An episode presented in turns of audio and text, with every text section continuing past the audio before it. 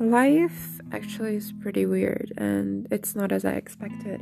I expected life very, very different. Like, I don't know, I expected joy, happiness, fulfillment, and apparently it's not what I'm getting right now.